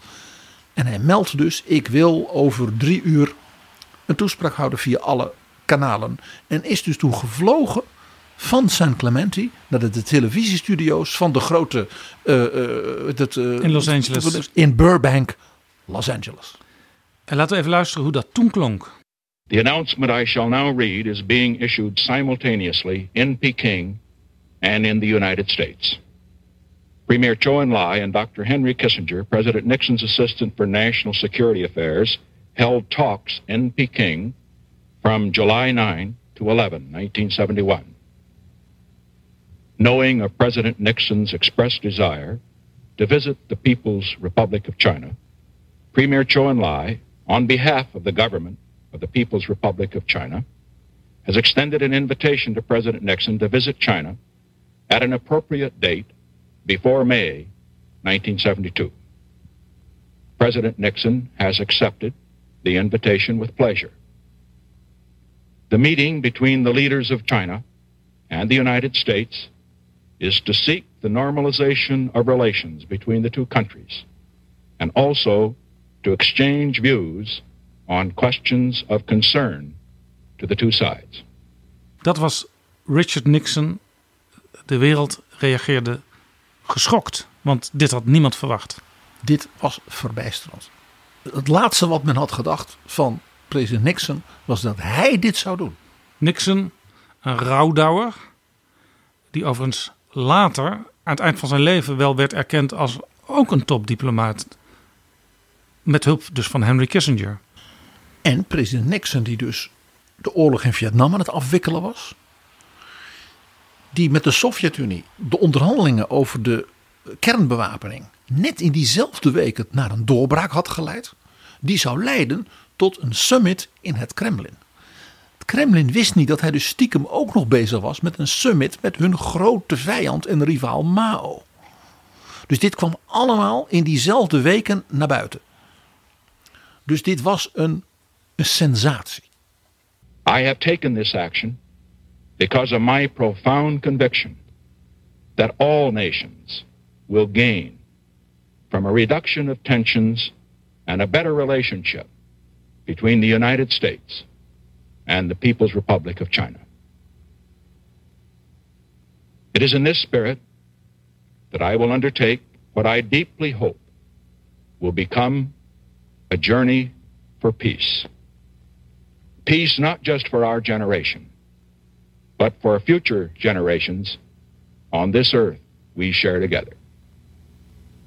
Kissinger heeft één ding geheim gehouden van dat bezoek, Jaap. Het overhemden-incident. Het overhemden-incident. Jij vertelde al dat Nancy Tang vertelde dat, die, dat er voor het eerst dus Secret Service mensen waren. En dat die koffers bij zich hadden. Waarvan zij dacht met papieren. Wij weten dat daar ook, zeg maar, uh, nette kleren van die Secret Service in zat. Voor zoveel dagen als zij daar in Beijing zouden zijn. Logisch. Alleen Kissinger had een klein probleempje. Die was, zoals je weet, die had last van buikgriep. Die was aan het doorlopen.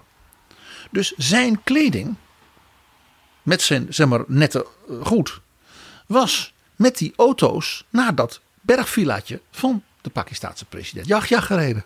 Want die mensen konden niet weten van de staf dat hij helemaal niet ziek was, maar dat hij naar Beijing ging. Dus in het vliegtuig van uh, Islamabad naar Beijing vraagt Kissinger: Ik wil me even verschonen voordat ik nu hè, straks land en dan premier Zhou Enlai ontmoet. En zei ze: Oh, Henry, we hebben, we hebben nog geen kleren. Er was niets voor Kissinger.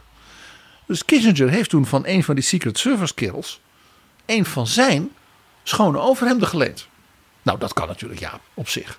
Waar het niet dat natuurlijk de kleine, wat dikkere Henry Kissinger natuurlijk een wat ander postuur heeft dan een 1,95 meter lange marine van de Secret Service.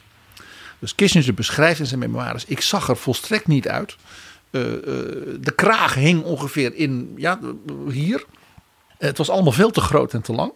En toen ik hem ging verschonen in dat gastenhuis, toen dacht ik: ik moet dit, dit onmiddellijk verbergen. Want het label in dat overhemd, daarin stond Made in Taiwan. Benieuwd of de Chinese geheime dienst dit toch nog heeft gesignaleerd op enig moment. De Chinese laundry, zoals dat in Amerika natuurlijk een begrip is. Ja. Dat hem nog heeft schoongemaakt. En toen gebeurde natuurlijk iets, ja, wat, wat te verwachten was. John Enlai ging met Kissinger rechtstreeks, ja, nu na die toespraak van de president. De hele voorbereiding van dat bezoek van Nixon regelen. En zei: U komt daarvoor dan binnenkort, namelijk in oktober, nu precies 50 jaar geleden, officieel naar Beijing. Ja. Als een officiële gast. En dan kunnen we u eindelijk alle eer betonen. Dat vinden we ook heel mooi. Toen hebben ze nog een avond meegenomen naar de revolutionaire opera. En dat soort dingen. Want dat kon nu eindelijk. Eigenlijk moest het, het geheime bezoek moest worden witgewassen.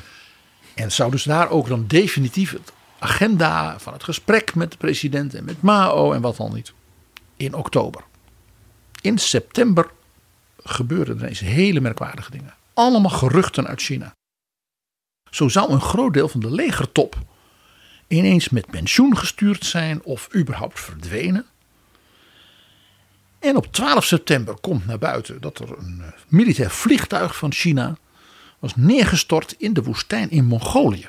Dus in een buurland. En even daarna werd bekendgemaakt dat op 1 oktober, dus op de nationale feestdag, de militaire parade niet doorging. Allemaal gedoe. En in dat vliegtuig bleek Lin Piao te zitten. De tweede man van het regime, En de potentiële beoogde opvolger van voorzitter Mao. de erfgenaam, zoals hij werd genoemd. Die man had de volgende functies: minister van Defensie, vicepremier, vicevoorzitter van het Politbureau, vicevoorzitter van de Staatsraad en hij was de voorzitter van de militaire commissie van het Politbureau voor het toezicht op het leger. En op 12 april 1969 had het partijcongres hem aangewezen als opvolger en erfgenaam. Ja, dus nog maar twee jaar eerder. En die was dus dood. En daar zat opzet achter. Eh, ja, die had zich tegen de nieuwe koers van Mao gekeerd. En had natuurlijk steun daarbij van delen van het leger. Dus Mao die zei, ja, ik heb nu een opvolger die probeert dus mij opzij te zetten. Die is een gevaar voor mij. Dus Mao heeft toen in China bij verschillende belangrijke, ook regionale eh, figuren in de partij steun gezocht. Dat is via de, de, de, de, de fluisterkanalen bij Lin Biao in Beijing terechtgekomen. En toen Mao onverwacht ineens van een van zijn reizen terugkwam in Beijing. En aankondigde dat hij die volgende ochtend er een speciale vergadering zou zijn van het politbureau. Om een aantal dingen definitief te regelen. Toen heeft Lin Biao zijn zoon een vliegtuig laten kapen. En is hij dus met een groep van zijn aanhangers heeft hij geprobeerd naar Moskou te vliegen.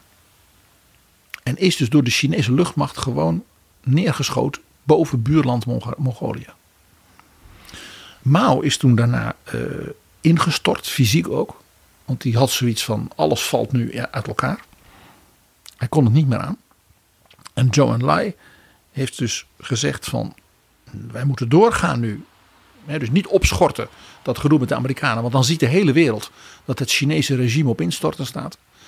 En Zhou Enlai en Maarschalk Ye hebben gezegd het leger moet dus natuurlijk worden gereorganiseerd. Die aanhangers van Lin Biao en dus blijkbaar van de Sovjets. Die moeten allemaal uitgerookt worden en verwijderd. En daar hebben we iemand voor nodig die dat kan, dat reorganiseren. En die een krachtige leider is. Deng Xiaoping. Dus die mag weer terugkomen. En zo is Deng Xiaoping teruggekomen. Door dus die koeppoging, of hoe je het noemen wil, van Lin Biao. Mao heeft er een jaar over gedaan voordat hij zei, nou vooruit dan maar, oké, oké. En één ding was dus duidelijk, wat hier gebeurd was. Mao had gekozen hoe het debakel van de culturele revolutie, dat hij zelf natuurlijk over China had afgeroepen, Ja. kon worden ja, rechtgezet. De ellende overwonnen kon worden. En dus die, om, die, die dreiging van al die wereldmachten om China heen kon worden opengebroken. En dat kon dus alleen door een opening naar die andere ja, grote wereldmacht van de Koude Oorlog, de Verenigde Staten. Want de Verenigde Staten kon het door Mao ook zo gevreesde Japan koest houden. Dat was tenslotte ook afhankelijk van Amerika. En de Verenigde Staten waren de enige die op konden tegen het Kremlin. Wat doe je dan? Dan ga je een deal sluiten met je grote vijand. De imperialistische, kapitalistische grootmacht Amerika. Met die China, communistische China-hater Richard Nixon als president. En hier zie je Jaap, Mao was een echte leerling en aanhanger van zowel Stalin als Lenin. Want Stalin heeft natuurlijk ook het Molotov von Ribbentrop-pact laten gebeuren. Ja, dat was zijn initiatief. Het pact met Hitler in feite.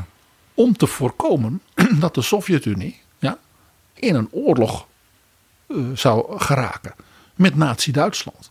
aangemoedigd, zoals zij dus toen nog dachten, door het kapitalistische Westen. Weet je wat, dan gaan we een overeenkomst met ze sluiten. Dus dan kunnen we in afval een tijdje nog weer overleven. En het idee dat je de, met de kapitalisten, imperialisten, optrekt om de revolutie te redden, dat is zo Lenin als maar kan. De beroemde uitspraak van Lenin: De bourgeois-imperialisten zullen ons nog het touw verkopen waarmee wij hen zullen opknopen. Dat is dan ook wel weer een heel zwaar citaat zo aan het einde van deze aflevering. Overigens, de notulist, waar ik het al eerder over had, die bij al die gesprekken zat, van Kissinger met Chu Enlai, Lian Zhengbao, uh, die had het in juli ook over de huidige situatie in de wereld en de relatie tussen China en de Verenigde Staten. Ja, er zijn spanningen, zei hij. Maar ja, beide hebben belangen, legitieme belangen. En beide hebben ook behoefte aan een nieuw hoofdstuk in de relatie. Eigenlijk lijkt dit een beetje op de situatie van toen en is wat er toen gebeurd is nu ook weer relevant. My deepest impression about that visit was both China and the United States had the sincerity to improve bilateral relations. Both countries had the hope and the willingness to improve bilateral relations, put an end to the past, and open up a new chapter. And both countries did a lot of work and took a lot of concrete actions to make that happen. And that spirit is still relevant today. Dat zei dus, nota bene, de notulist. En eigenlijk zegt hij dus hiermee tegen Xi Jinping... u heeft een Zhou Enlai nodig. En Joe Biden heeft een Henry Kissinger nodig. En zo zie je, 50 jaar na dato... hoe ongelooflijk actueel het juist in deze multipolaire wereld... waarin China dus he, die grootmacht is geworden... waar Mao van droomde. Die op gelijke hoogte met Amerika en dat he, verafschuwde Kremlin kon staan. Dat had Mao toch maar wel voor elkaar. Dat moet je toch ook wel weer zeggen. Ja. ja. En dat is natuurlijk nu de wereld zoals we die nu zien. Met de Verenigde Staten, Europa, Rusland en China als de grootmachten. En in zekere zin is Japan dus in dat opzicht wat meer uit beeld. En heel interessant als zo'n notulist dat zegt, dan is dus kans uh, want zo iemand eh, zegt de dingen niet voor niets. En meestal ook wel met enige voorbereiding. Uh, dat er al iets gaande is achter de schermen. Een geheim overleg. Maar het kan ook zijn dat hij het zegt en dat de Amerikanen het opnieuw, net als 50 jaar geleden, niet meteen begrijpen. Zegt die Nancy Tang in dat seminar niet ook nog iets over hoe zeg maar, de leiders van China, hoe die denken? Ja, zij heeft het over onze leiders. En dat is dan heel algemeen. Hè? Dus dan kan ze ook de Amerikaanse leiders tegelijkertijd mee bedoelen. Onze leiders hebben inzicht in de dingen. En onze leiders denken op de lange termijn. Well, let me say that uh, the core of this issue is that how could we sit at the same table together back then, and how could we have uh, gone such a long way over the years? I think it is because of the political insight of our leaders who have recognized the essence of the issue. They have broad visions and they think in long terms. En Joe Lai zei tijdens die eendlunch. De eend wordt koud. En toen hij ineens begon te vertellen over de verschrikkingen in codetaal van de culturele revolutie tegen Kissinger dit. Dit was dus een heel moeilijk voor China. Maar voorzitter Mao denkt natuurlijk heel ver de toekomst in. Die begreep dat China dat revolutionaire elan van de jonge mensen nodig had, zodat wij verder kunnen. Maar tegelijkertijd is natuurlijk ook orde en rust nodig. En dat moeten we voortdurend weer vinden. En de grote voorzitter die kijkt dan ver in de toekomst. Dankjewel, PG.